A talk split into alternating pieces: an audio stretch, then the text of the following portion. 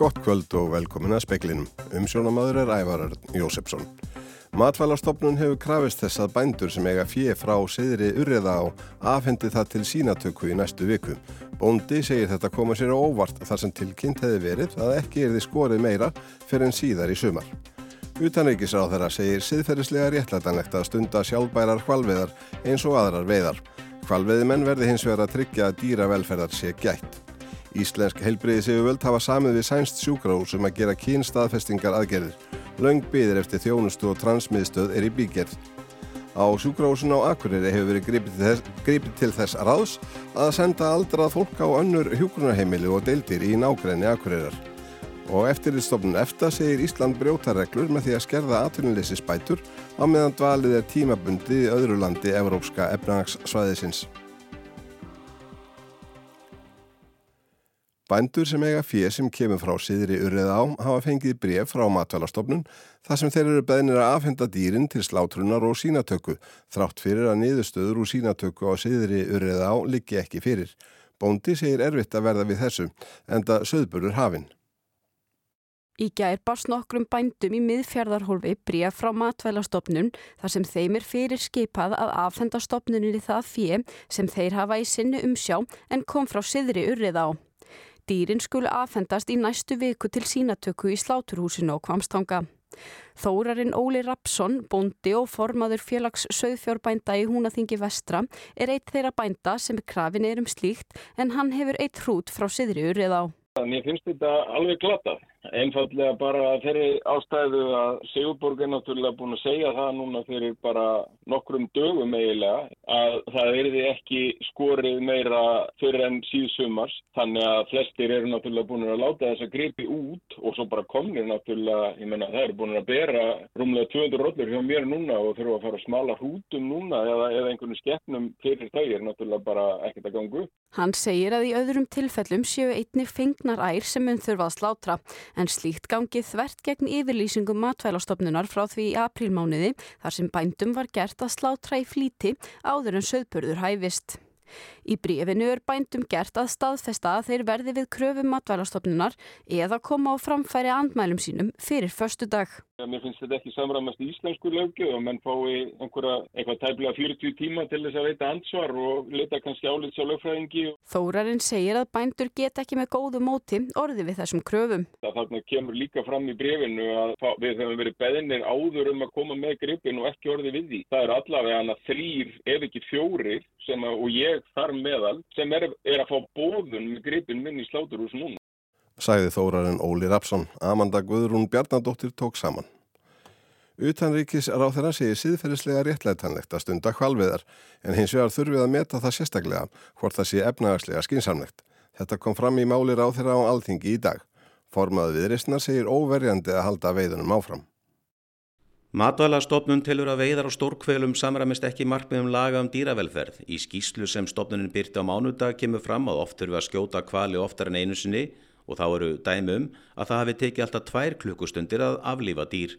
Þorgerður Katrín Gunnarsdóttir formað viðrisnar tók málu upp á alþingi í dag og kallaði eftir afstöðu utaríkisráð þeirra. Hvernig ná að skýra máli fyrir umheiminum á meðan týr eða hundruði kvara kvala hljóta kvalafullan döta hér í sumar og heimspressan sýnir beint frá til hvaða aðgerða ætlar hún að grípa til til að verja alþjóðlegt orðspor okkar ef að halda áfram þessum algjörlega óverjandi veiðum áfram í bóði ríkistjórnarinnar. Þórdís Kolbrún Reykjörg Gilvardóttir Utaríkisráð þeirra sagði sendiskrifstofum Íslands í útlöndum ekki hafa borist tölvupóstar eða símtöl frá almenningi í neinu mæli, hins vegar gæti það breyst á næstu vikum. Hún sagði það vera skildu kvalveiðmanna að bregðast í skýslunni og tryggja að dýra velferðar sig gætt. Ég get alveg sagt fyrir mitt leiti að mér þykir uh, siðferðslega réttlætalegt að stunda kva, sjálfbara kvalveðar eins og aðra veiðar en það þarf að vera gert með réttum hætti og svo þarf að vega þá að meta hvert sinn hvort að það er efnahagslega skinsamlegt út frá frambóð eftirspurn og öðrum áhrifum. Sæði Þórdís Kolbrún Reykjörð Gilvadóttir Hörskuldur Kári Skram tók saman.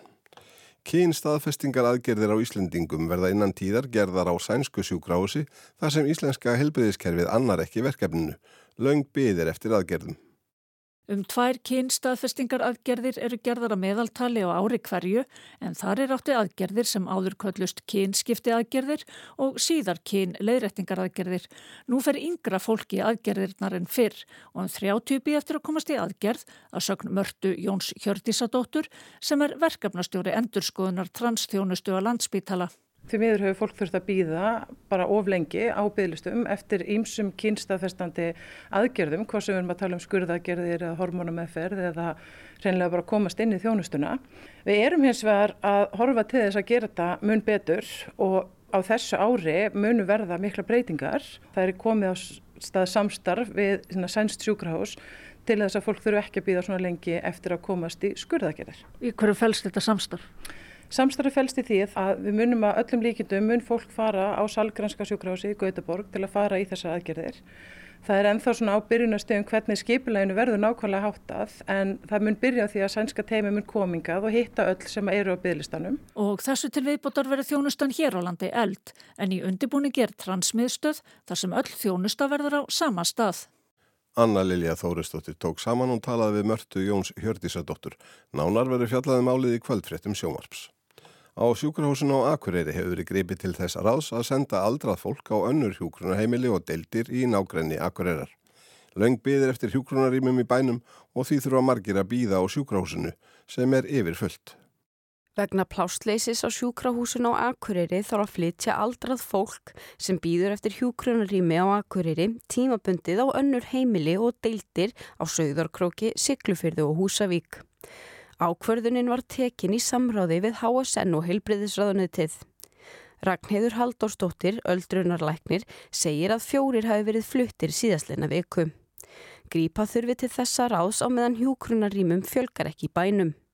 Tvöfalt fleiri býða nú eftir hjúkrunarýmum en á sama tíma í fyrra. Við sérst gripi til þess að neyðar úrraðis af því að sérstaklega svo livlækningadeildin hjá okkur er búin að vera viðvarandi yfir full mikið álag, skortu líka á starfsfólki og eh, við vitum alveg að þetta er ekki besta lausning kannski fyrir eh, sjúklinga og aðstæðendur en það er samt líka varasamt að hafa fólk sem er ekki bráðveikt inn á bráðadeildum. Það er ykkur líkur á síkingu og byltum og öru slíkur sagði Ragnæður Haldórsdóttir. Amanda Guðrún Bjarnadóttir tók saman.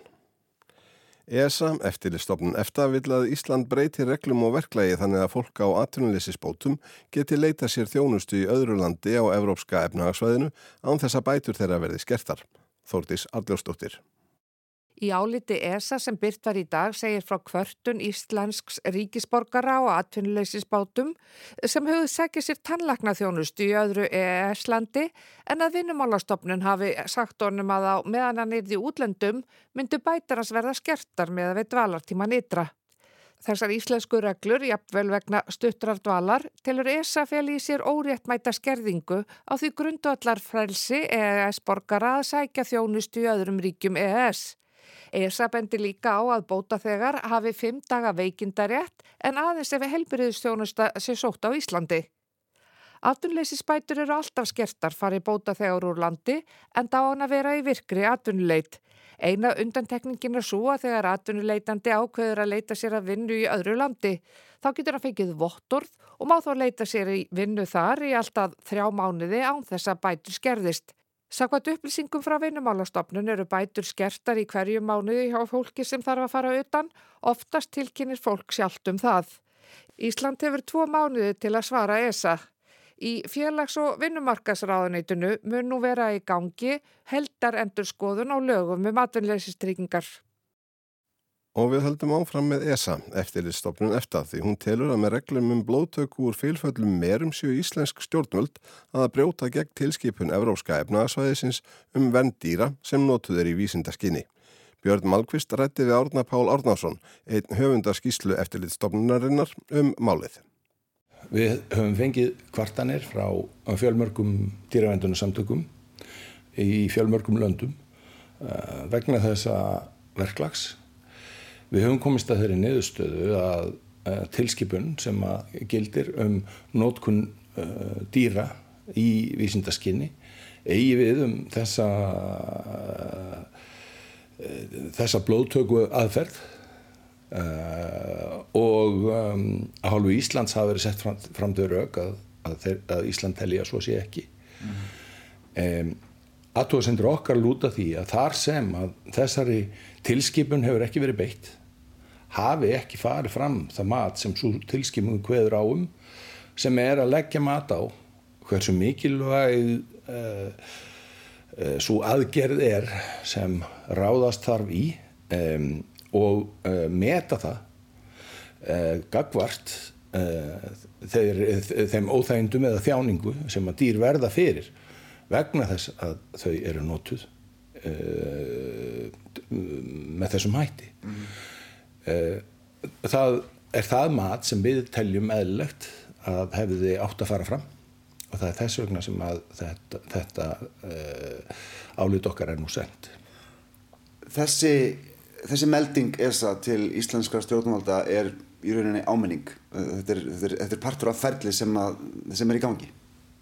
Já, þetta er fyrsta ferlið í þá átt að máli fari fyrir eftardómstólinn. Nú hefur Ísland uh, tvo mánuði til þess að, að koma fram með sjónamið og svara þessu brefi. Í framhald af því þurfum við að meta þau, þau svör og, og, og, og hversu hvaða áhrif þau hafi okkar afstöðu. Næsta skref hjá okkur er að gefa út það sem heitir raukstutt álit, það sem við afmörkum málatilbúnaðin enn frekar og Íslandi myndi þá gefast færi á að svara því og ef að við erum á endanum eftir þetta ferli sannfærðum að, að málið, uh, málið þurfi að fara fyrir eftir domstólinn, þá myndum við stefnaði þangað. Og þetta er mál sem að, sem að myndi fara þangað? Þetta er mál af þeim toga sem myndi fara þangað? Við erum að hefja það ferli sem geti enda þar, já.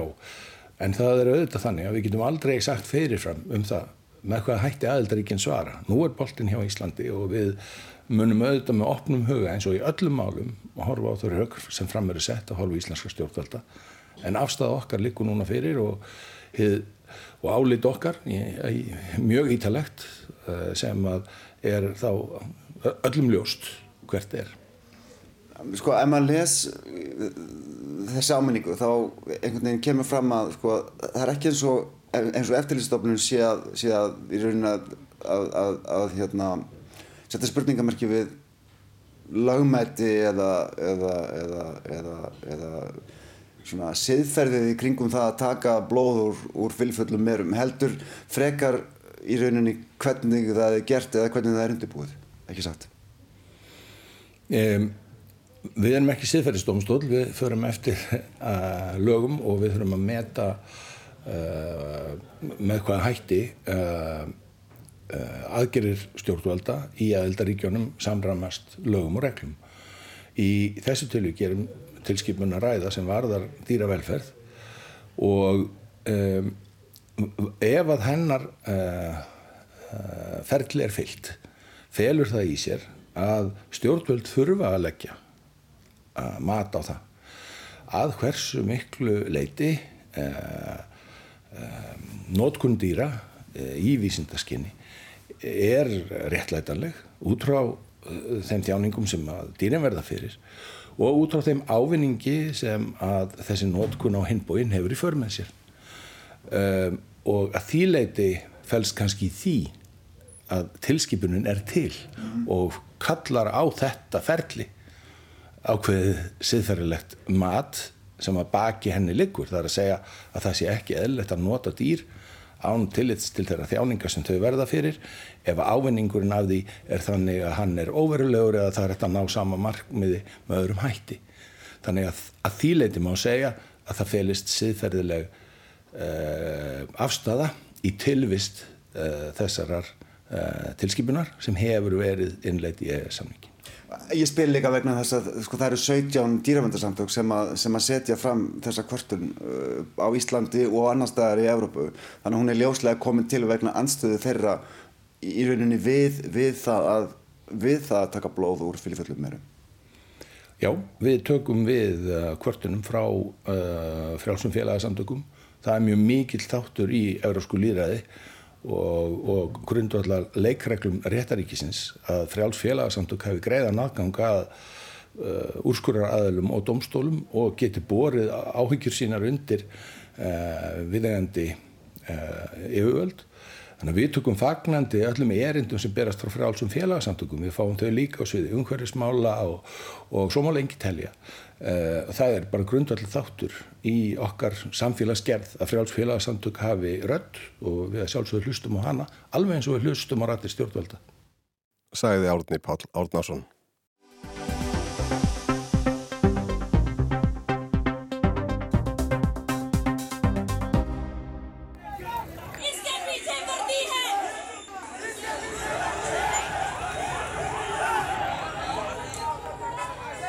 Stunningsfólk Imrans Khans fyrverandi fórsættisráð þeirra Pakistans hefur mótmælt því með ofsafengnum hætti við svegarum landið í gæru og í dag að hann var handtekinn í gæru og neftur í varðhald.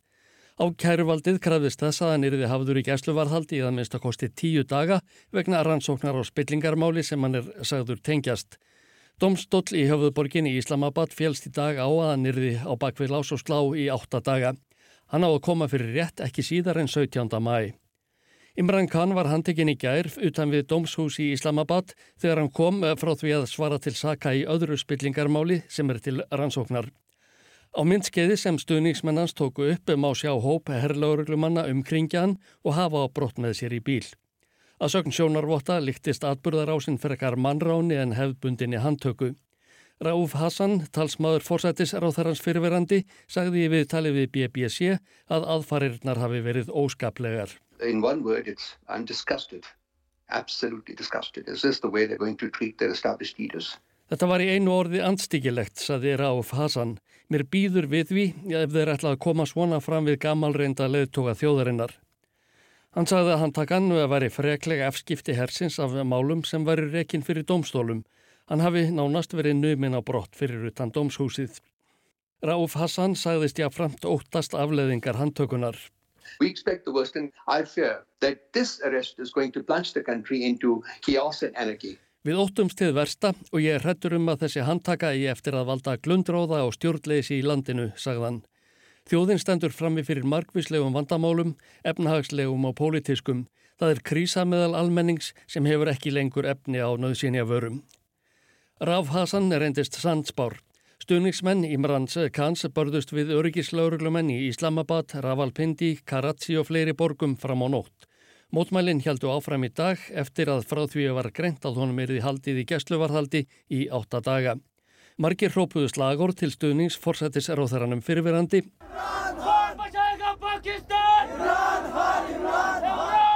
Aðri letu sér ekki næja að mótmæla með hrópum. Þeir vopnuðust með bareflum, grjóti og handslöngvum og réðust gegn lauruglumannum. Margir reyndu að tröfla umferð. Lauruglan svaraði með táragasi og valsþrýsti bissum. Nokkrum leiðum var lokað með vörugámum til að tefja fyrir mótmælendum en bardagar heldu áfram frem eftir degi. Undir kvöld höfðu um þúsund manns verið handteknir og átta látið lífið. Sah Mahmoud Karesi, varaformaður pakistansku réttlætisrefingarinnar, flokks Imrans Khans, sagði í dag að fólk ætti vitaskuld rétt á að mótmæla framferði hersins gagvart leðtóanum.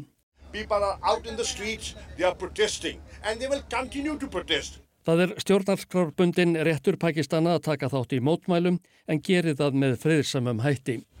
Them, keep it peaceful, do not get into people's houses, do not uh, destroy public or private property, but peaceful protest is our right. Ekki ráðast inn á heimili fólks eða eðilegja egnir annara mótmælið friðsamlega. Allir eiga rétt á því, saði Karesi. Imran Khan er fyrirverandi íþróttahetja. Hann var fyrirliði pakistanska krikketlandsliðsins um árabil og sneri sér að stjórnmálum þegar þeim ferli laug.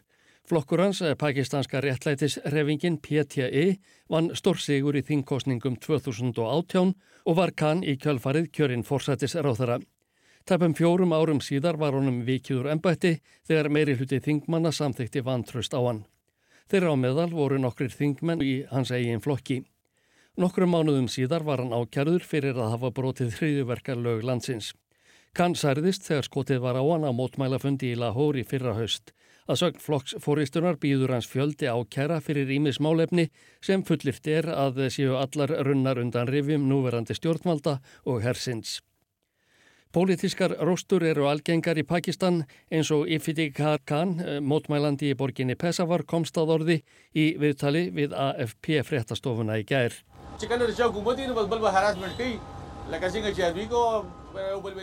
Þegar nýstjórn tekur við völdum ofsækjur um fyrirverandi stjórn. Eins og hún let handtaka að fólki gerir núverandi stjórn það sama. Það er svo sem ekkert mál. Eftir nokkra daga verður honum sleft gegn tryggingu en það veldur alltaf raski þegar fólk mótmælir á götum úti. Áskeið Tómasson sæði frá.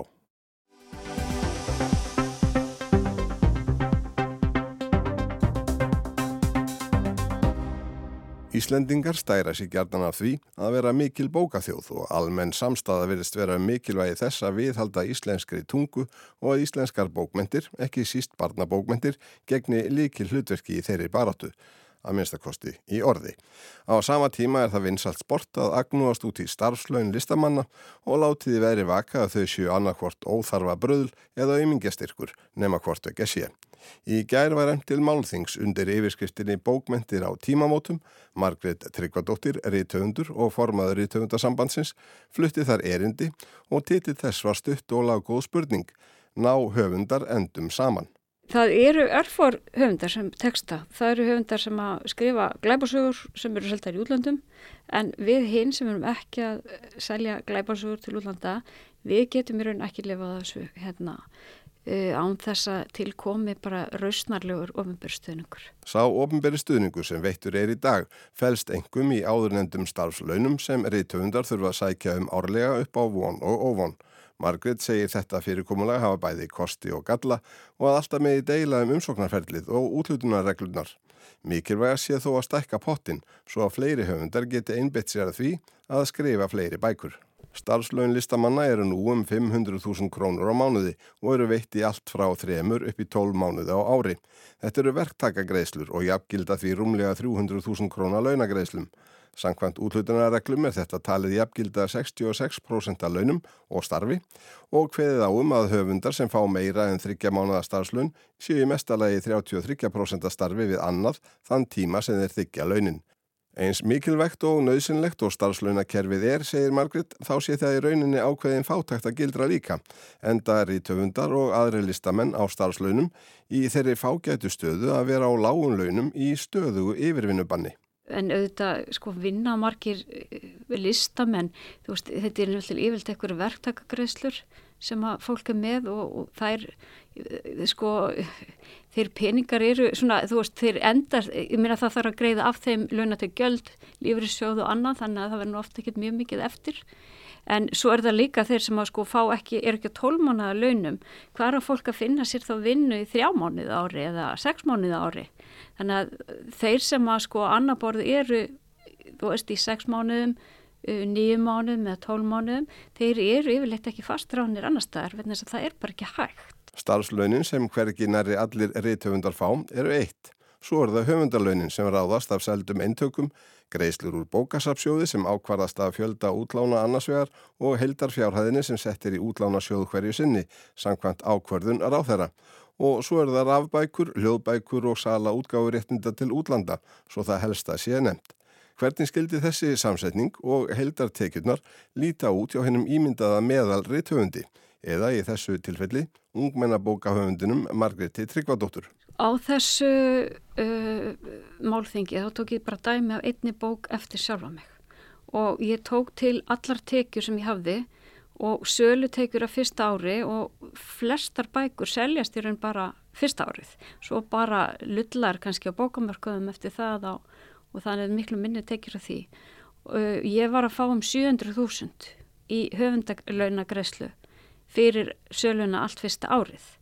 Uh, samtals var ég að fá sko um fjóru og hálfa miljón af þessari bók en ég var að ég alveg ótrúlega heppin með ofinbjörn stöðning á, þessu og hérna ofinbjörn er 81% af þeim tekjum sem ég fekk fyrir þessa tilteknu bók og þá í ýmsu formi. En, en sko það er eitthvað sem að ég hef aldrei upplifað áður með nokkuð dverk að hafa fengið svona mikinn ofnbjörnstuðning en enga síður er þetta bara eins og sko 250 krónar mánæðalun ef ég gerir að fyrir þessi bók hafi verið ásverk sem hún var.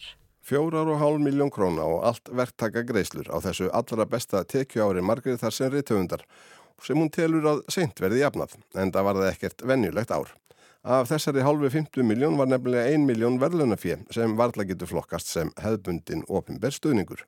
Nei, e, e, einmitt ekki sko og er ekki eitthvað sem hægt er að stóla á en kom til í þessu tilfelli og hérna þú veist og, og er ekki einu svona sko verðlun sem hafa verið veitt á hverju ári sko.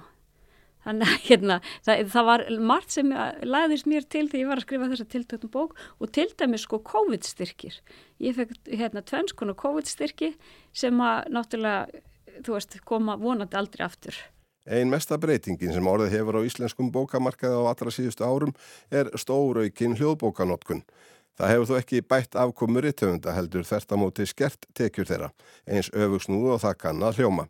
Seldum eintökum bóka fækkar til muna og greiðslur fyrir hvert streymi séu svo lágar að þær bæti það aldrei upp. Margret gerði einokona stöðu stóritel á íslenskum hljóðbókamarkaði að umtalsefni í erindi sínu. Hún sagði að þegar eitt fyrirtæki kæmi inn á öðarmarkaði eins og Ísland og næði þar alltaf 100% markaðshutild, þá finnist henni það vera hlutverk stjórnvalda að tryggja réttlæti og jafnræði á þeim markaði og að við hefðum dæmi um það annar staðar. Já, við erum náttúrulega með lögjöf bara um samkeppnismál og hér þetta er algjör einokona markaður. Uh, Storytel er með sama mótil allstaðnema í Norri og það er veitna þess að norðmenn líta á norskuna sem ör tungumál í útrýmugar hættu sem við einhverju hluta vegna tökum íslenskuna ekki alvarlega þótt að staða hennar sér örglega ekki betri. Hvað var það streymið þá hafa þeir komið á lámáskreslum. Uh, þannig að höfundum er alltaf treyð ekkur ákveðin sko lámaskreisla. Það veldur því hins vegar að stóri til Nóri er að henda út stittri bókum, mest barnabókum, vegna þess að, þú veist, ef bókin er bara klukkutíma eða tveir tímar að þá eru náttúrulega mjög fljóta að geta upp áskriftagjaldið. Þannig að, sko, það er greinlega, svo leið sem hefur fari, verið farin þar er kannski ekki alveg svo besta, eh, en eitthvað sem við ættum samt að skoða og það eru þetta hlutverk stjórnvalda þegar að uh, er ekki samkjæfni að tryggja þá að skipting verðmætana fari ekki bara öll til hérna úr landi. Bókasöfn hafa löngum leikið líki hlutverki því að veita lesendum aðgangað íslenskum bókmentum. Það hefur talsvöftir talað um það á síðustu misserum og árum að skólabókasöfn hafi verið vanrægt og nú ráða sveitarstjórnir hver af annari, fjármála og bókalsfyrirtæki til að ráðleika sér um sapna og menningamál Margrét er ekki vissum að þetta sé góð þróun. Það er lögbundið að sveitafélagi eiga að reyka almenningsbókusafn. Þau með að gera það í félagi og þau með að líka reyka saman skólabókusafn og almenningsbókusafn. Það er líka í lögum að í grunnskólum á að vera bókusafn. En það stendur ekkit um það hvernig þá vera reykið. Þú veist, eiga að vera á að vera starfsmæðurða, á að kaupi nýjar bækur eða dögur bara einhver bókahilla á ganginum sem bókusafn. Og við veitum bara í skólum að hérna, sumstæðar er þetta gríðarlega metnaðanfullt, sumstæðar er þessu vallasimt. Sko, auðvitað er þetta rosalegt mis hérna rétti og bara ja, börn eftir því hvað skólum eru, þau hafa alls ekki jafnan aðgang að bókum. Uh, við getum aldrei skikkað fórildra til þess að kaupa eina bók í mánuði handa börnunum sínum en með góðum skólabókarsöfnum þá getum við tryggt það að öll börn á Íslandi hafi aðgang að góðum bókum. En þá þarf líka að skoða þetta vel og ég held að KGMB, B, eða hvað sem þetta heitur nú, sé ekki rétti aðal til þess því þar verist vera mjög lítill skilningur á menningarstarfi og gildi þess fyrir samfélag. Sæði Margreit Tryggvadóttir. Fleira er ekki í speklinum. Tæknum að það var Magnús Þorstein Magnússon, frétta útsendingu stjórnaði Anna-Lísa Hermannsdóttir, veriði sæl.